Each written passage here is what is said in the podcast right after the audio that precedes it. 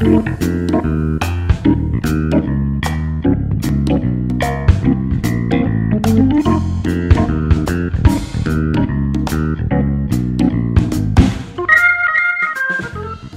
up viewers and listeners? Kali ini kita akan menceritakan ulang alur film yang berjudul Hush. Hush. Film yang dirilis tahun 2016. Iya. Kenapa kita mau menceritakan ulang alur film ini? Karena menurut rating IMDb itu cuma 6,6. Gokil. Cuman dihargain 6,6. Iya. Padahal menurut kita nih bagus banget Bagus, kan? gokil. Bagus banget padahal. Bisa lah dapat ya entar lah, ntar kita kasih penilaian kita berapa. Makanya kita mau menceritakan ulang karena ini film ini tuh masuk di kriteria Kriteria betul. Yang menurut kita underrated. underrated. Underrated. Sebelum kita menceritakan ulang alur film Hush ini, jadi kita bakalan ngasih tahu ini film tuh tentang apa sih? Iya. Sinopsisnya berarti ya. Sinopsisnya lah kira-kira. Jadi film yang berjudul Hush ini tuh mengisahkan tentang wanita yang bernama Mediang. Dia ini tuh mengidap tunarungu. Tunarungu itu nggak bisa denger, juga nggak bisa ngomong, gitu. Iya, gagu lah ya. Iya, Gagu ya nggak sih? Oh berarti ini cewek gagu pasti bisa nyanyi nih. Lady Gagu lanjut. Dark banget. Lanjut lanjut lanjut. Astagfirullah. Dia ini tuh dia ini tuh tunarungu atau kehilangan kemampuan bicara sama dengarnya tuh semenjak umur 13 tahun. Iya, Jadi nggak dari kecil banget. Jadi dia bis, udah pernah ngerasain namanya denger sama namanya ngomong lah. Tiba-tiba pas bangun, eh nih kok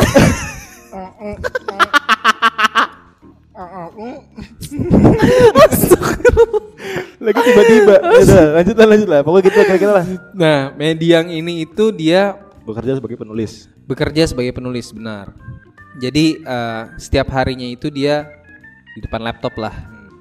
Nah, Mediang ini karena dia tidak bekerja kantoran sebagaimana biasanya atau sebagaimana umumnya, dia ini hidup menyendiri di dekat hutan, di tengah hutan lah.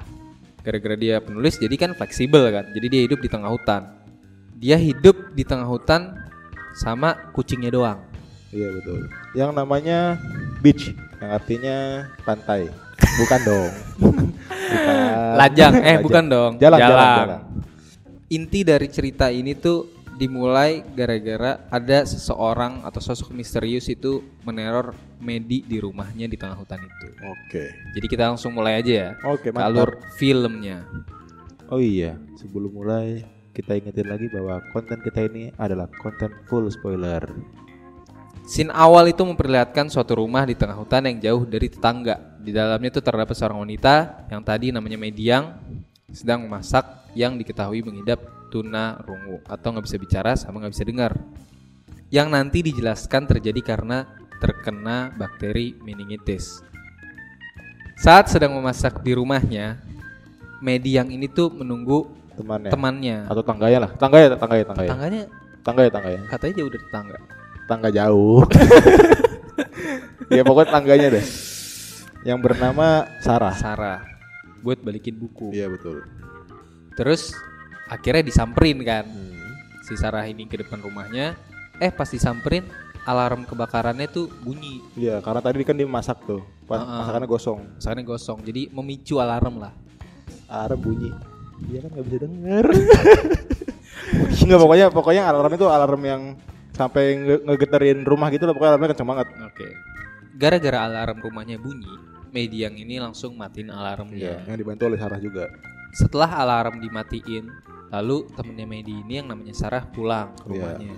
Terus Medinya ya juga pulang ke rumahnya kan, ke dalam. Scene berlanjut di Medi yang sedang di rumahnya sendiri. Tiba-tiba, ini kan posisi malam hari nih.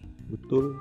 Tiba-tiba, tiba-tiba Sarah tuh Gedor-gedor pintunya. gedor-gedor pintu, gedor-gedor pintu Medi, teriak, manggil Medi, Medi, Medi. Yoi. Tapi si Medi ini tuh nggak ngadep keluar rumah, jadi Iya. tuh nggak ngeliat Sarah lagi gedor-gedor pintu. Hmm. Kenapa dia gedor-gedor pintu? Ternyata tuh Sarah lagi dikejar sama yang kita Orang-orang tahu ber- orang bertopeng. orang bertopeng, benar. Yang kita tahu nanti, Dia itu adalah seorang pembunuh psikopat. pokoknya yang kita tahu nanti itu dia ternyata psycho lah. Iya. Ya pokoknya ntar orang ini kita panggil psycho lah. Jadi selanjutnya kita ngomong orang ini tuh yang ngejar Sarah itu psycho, oke? Setelah Saiko ini membunuh Sarah, si Saiko ini tuh mukul-mukul pintu kaca rumahnya Medi. Iya, mastiin kalau dia masa iya orang minta tolong nggak denger kan? Iya. Mastiin kalau dia beneran nggak denger. Akhirnya tanpa sepengetahuan Medi, si Saiko ini tuh masuk ke dalam rumah Medi, nyelinap ke belakang Medi dan berniat untuk bunuh Medi dari belakang. Medi ini tuh lagi main laptop, lagi nulis. Tiba-tiba pada saat dia menulis di laptop ada video call datang dari temennya dan si Saiko pun pada saat itu kan dia posisinya di belakang Medi. Hmm. Jadi otomatis kalau Dia ada video menghindar. call, ya kalau ada video call ini kelihatan ada orang. Kelihatan kan nanti di kamera. Akhirnya dia menghindar ke belakang nggak jadi langsung bunuh Medi. Dan si Psycho pun itu ngumpat agar nggak ketahuan oleh si Medi ataupun temennya. Pada saat dia mau ngumpat atau keluar dari rumahnya Medi, dia ngambil HP-nya HP Medi Medi, dulu. HP-nya Medi dulu. Pada saat main laptop, Medi pun tiba-tiba dikirimin pesan sama HP-nya HP sendiri. sendiri aneh banget. Kaget dong. Dia kan lagi buka lagi buka WhatsApp app tuh tiba-tiba dia dapat foto yang dikirim dari HP-nya sendiri ke laptop. foto yang di mana dia lagi duduk main laptop itu. Jadi Iya. foto saat waktu itu juga kan. Foto pada saat dia main laptop dan foto yang dikirim itu foto saat Medi lagi main laptop pada saat itu juga. Iya betul. Jadi karena dia dikirimin foto itu oleh HP sendiri, dia mulai curiga tuh ada yang nggak beres di rumahnya. Nah, Masa iya dia dikirimin sama dia sendiri kan? akhirnya dia sadar kalau ternyata dia di rumah ini gak sendiri. Oh iya, si Psycho ini tuh dia bawa crossbow. Crossbow tuh tembakan panah lah pokoknya Iya, kalau nggak tahu nih. tembakan panah. Medi yang udah curiga ada orang selain dia di rumahnya, dia akhirnya menutup semua akses masuk yang ada di rumahnya dan langsung berniat untuk menghubungi 911 atau Tapi polisi. Ketika dia mencoba menghubungi tuh sama si Psycho langsung dimatiin listriknya, jadi wifi mati, jadi dia nggak bisa ngubungin. Setelah si Psycho ini tuh matiin listriknya, dia langsung nyamperin si, Si Medi, Medi. tapi dari luar rumah. Gara-gara kan semua akses pintu masuk tuh udah dikunci kan Iya. sama Medi. Rumah ini tuh pintu-pintunya tuh pintu-pintu kaca. Jadi tuh dari luar bisa ngeliat ke dalam, dari dalam bisa ngeliat keluar. Akhirnya tuh si Psycho ini tuh ngeliat Medi dari luar dan Medi juga ngeliat Psycho dari dalam. Dan Psycho ini tuh tiba-tiba berani banget ngebuka topengnya.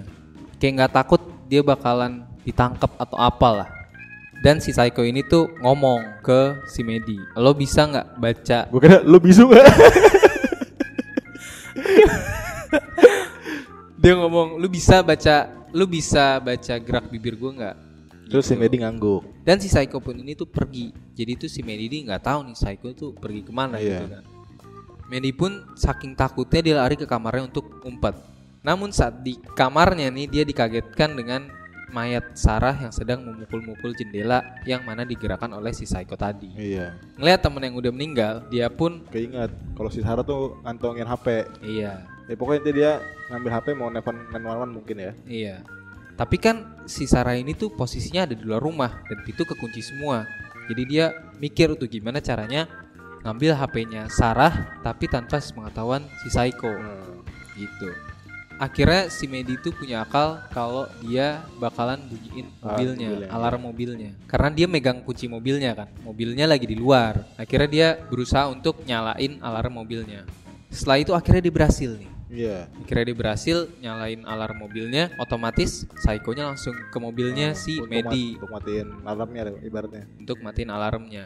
Pada saat jeda itu, si Medi ini tuh dengan pintarnya tuh mengambil waktu untuk Ngambil HP-nya Sarah. ngambil HP-nya Sarah. Tapi ternyata HP-nya nggak ada, udah disimpan sama Psycho.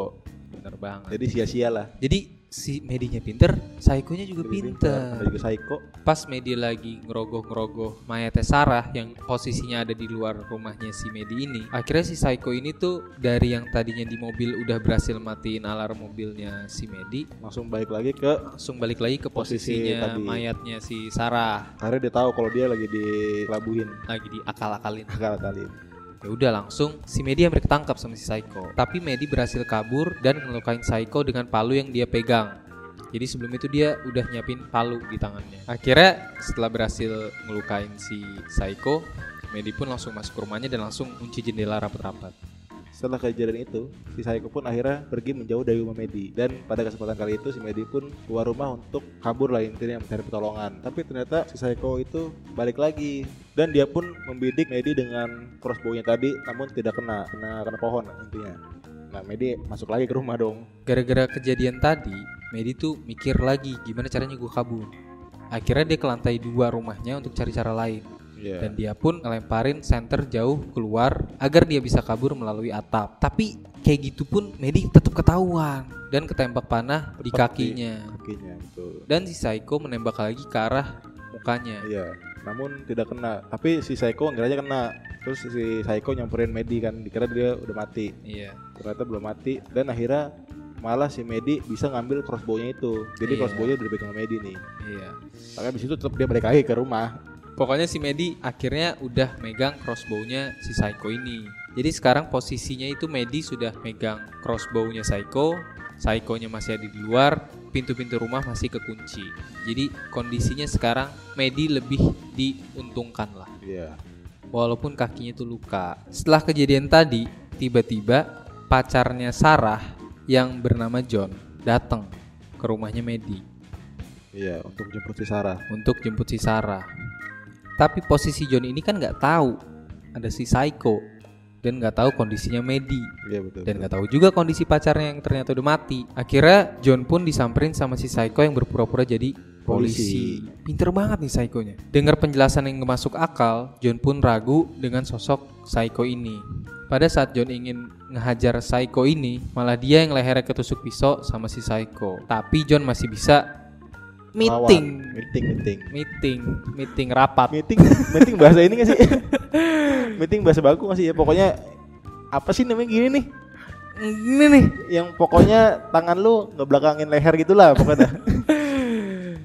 akhirnya dipiting dan nyuruh Medi buat lari selagi John itu tuh meeting si Psycho akhirnya Medi pun berhasil keluar rumah dan lari kesakitan gara-gara kakinya masih ada luka panah yang tadi. Tapi ternyata si Psycho ini berhasil lolos dari John karena mati kehabisan darah. Jadi kan gara-gara udah dipiting tapi kehabisan darah lama-lama pitingannya lemes. Akhirnya berhasil cabut si Psycho kan.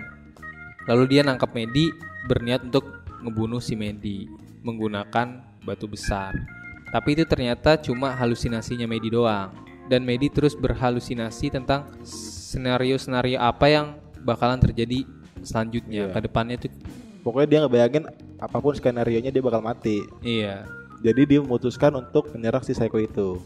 Tiba-tiba pada saat Psycho posisinya masih di luar rumahnya Medi, kucingnya tuh nyamperin si Psycho dan si Psycho ini tuh mau ngebunuh kucingnya si Medi. Tapi karena si Psycho ini perhatiannya teralihkan, Medi ngambil kesempatan itu buat Nyerang si Psycho. nyerang si Psycho bener. Akhirnya beneran ketembak pakai crossbow tadi. Tapi belum mati si Psycho-nya. Dia malah ngejar Medi dan Medi akhirnya balik mening. Aneh ke rumah. Gagal maning. Pas Medi mau masuk ke rumahnya, sebelum dia nutup pintu tuh tangannya Satu tangannya salah satu tangannya tuh ketangkap sama si Psycho akhirnya kejepit pintu dan si Psycho ini tuh matahin salah satu tangannya Medi pakai kakinya dengan cara diinjek akhirnya si Medi ini tuh lolos dari Psycho dan berhasil nutup pintunya. Tapi dengan imbalan tangannya si Medi tuh patah. Iya rusak. Pokoknya tangan satunya itu nggak bisa digunain lah. iya. Saking udah keselnya sama si Psycho ini si Medi tuh akhirnya mulai berani. Dia nulis di pintu kacanya itu tuh do it. Lebih lengkapnya do it coward gitu. Jadi kayak ayo sini pengecut lu. Gitu. Kesel banget dia saking keselnya ujung-ujungnya dia mikirnya juga ah bakalan mati juga gua. Akhirnya dia beraniin diri lah kasarannya. Setelah Medi nulis pesan itu di kaca ke Psycho dan Psycho akhirnya baca dia langsung ke laptopnya nulis pokoknya ciri-ciri yang menggambarkan si Psycho ini tuh kayak gimana. Untuk antisipasi kalau dia beneran ketangkep dan mati.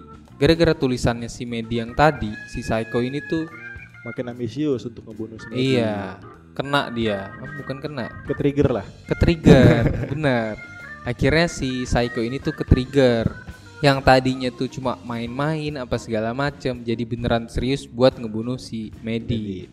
Dia mencoba untuk ngebobol pintunya Medi. Mau dipecahin lah kasarannya pintunya si Medi. Akhirnya si Medi ini lari ke kamar mandinya dengan menodongkan pisau ke arah pintu kamar mandi tersebut. Namun ternyata si Psycho itu muncul dari belakang karena kebetulan belakang kamar mandi itu ada kaca. Ternyata kaca itu gak dikunci. oh berarti goblok juga si Medi ya Saat si Psycho ini mau nyerang Medi, tiba-tiba di leher Medi itu kerasa kalau ada hembusan nafas yang menandakan dia berarti tahu dong ada orang kan. Iya. Gara-gara si Medi ngerasain ada hembusan napas di belakang ya. Sange. Ya. Beda konteks nih beda ya. Masih Dia- masih aja sange ditiup lehernya. Dia akhirnya balik badan, refleks dan berhasil ngelukain kakinya si Psycho. Dan lari lagi dah Medi. Posisinya sekarang Medi sama si Psycho ada di dalam rumah. Medi pun akhirnya disamperin sama si Psycho. Dalam keadaan terpojok, Medi nyemprotin obat nyamuk ke muka si Psycho.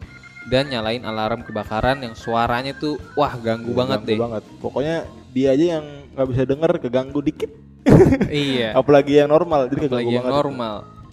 Medi yang nggak bisa berkutik lagi, akhirnya diserang dengan cara dicekik lehernya. Dalam keadaan tercekik, si Medi tuh melihat ke arah sekitar. Ternyata di dekatnya tuh ada pembuka botol wine. Iya, bukan bukan bukan botol yang yang kayak di Indonesia bukan. Iya, bukan. Pokoknya Yang- yang Ya, sih? diputer, Yang diputer. yang, teh, yang teh lah pokoknya yang teh. gitu. Iya. Akhirnya dia berhasil ngeraih pembuka botol itu dan berhasil masuk lehernya si Psycho.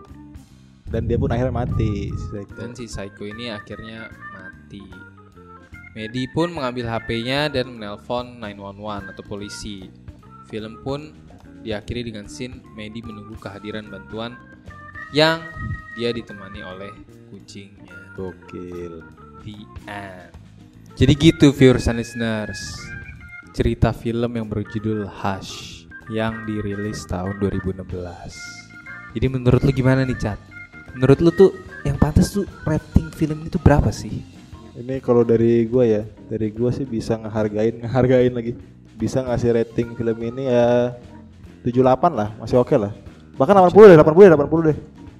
Menurut gua tegangan dapat banget nih film nih kalau nonton langsung ya. Kalau gue sih nggak sampai 8 juga sih, Chat. Oke. gua hargain. Udah oke.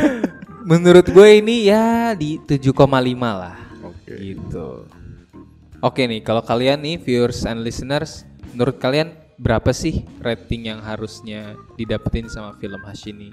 Kalau kalian ada saran film yang menurut kalian itu underrated, boleh kasih tahu kita kita. Iya.